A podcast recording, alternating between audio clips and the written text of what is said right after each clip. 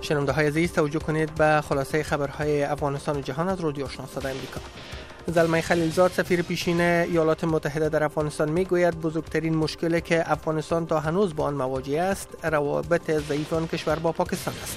آقای خلیلزاد در مصاحبه با صدای امریکا گفت که افغانستان و پاکستان به همدیگر نیاز دارند و می باید با یکدیگر همکاری کنند اما پذیرفت که ایالات متحده پس از 11 سپتامبر نتوانست این دو کشور را به هم نزدیک کند و تا هنوز هم به این کار موفق نشده است. و باور آقای خلیلزاد بزرگترین ناکامی امریکا در افغانستان این بود که قادر به انکشاف برنامه ای نشد تا طی آن این دو کشور همسایه بتوانند همکاری کنند. و این دلیل عمده عدم موفقیت بیشتر ایالات متحده را در افغانستان ایجاد پناهگاه های امن طالبان از سوی پاکستان عنوان کرد. وزیر اطلاعات ایران می‌گوید گروه دولت اسلامی از شهر رقیه سوریه علیه ایران توطئه می‌سازد. محمود علوی در مصاحبه با یک تلویزیون لبنان گفته است که داعش تلاش کرده دهشت افغانان را به داخل ایران بفرستد. آقای علوی می‌گوید که اگر ایران در سوریه و عراق علیه داعش جنگید امروز علیه آن گروه در داخل ایران جنگ می‌کرد. اتحادیه اروپا در تابستان سال روان میلادی یک یک میلیارد یورو را روی پروژه های بهبود وضعیت زندگی پناهجویان سوری به مصرف میرساند. مقامات امنیتی و نظامی یمن می‌گویند دهها جنگجوی القاعده به تعقیب حملات هوایی ماه اپریل ائتلاف به رهبری عربستان سعودی در درگیری شدید با اردوی یمن کشته شدند. رئیس جمهور ایالات متحده می‌گوید که مصرف سالانه 80 میلیارد دلار به خاطر نگهداری زندانیان در محابس امریکایی برای اقتصاد آن کشور گران تمام می شود.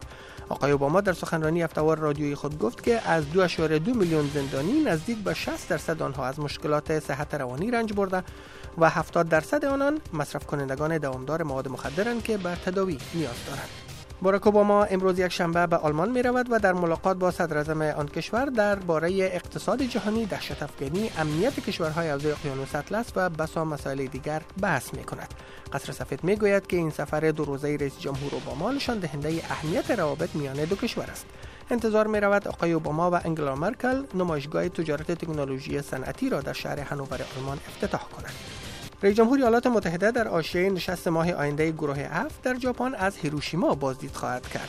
این دیدار آقای اوباما نخستین بازدید یک رئیس جمهور ایالات متحده از خواهد بود که در اثر استفاده بم اتمی آن کشور و ایران شد و به پایان جنگ دوم جهانی انجامید کره شمالی می‌گوید که یک میزایل بالستیکی را از یک کشتی تحت البحری خود موفقانه به فضا شلیک کرده و قابلیت حملات اتمی خود را تقویت بخشیده است.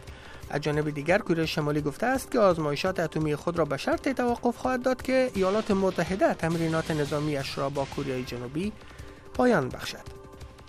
و رافائل کوریا رئیس جمهور اکوادور می‌گوید رقم تلفات ناشی از زمین لرزه هفته گذشته در آن کشور به 646 نفر بلند رفته است.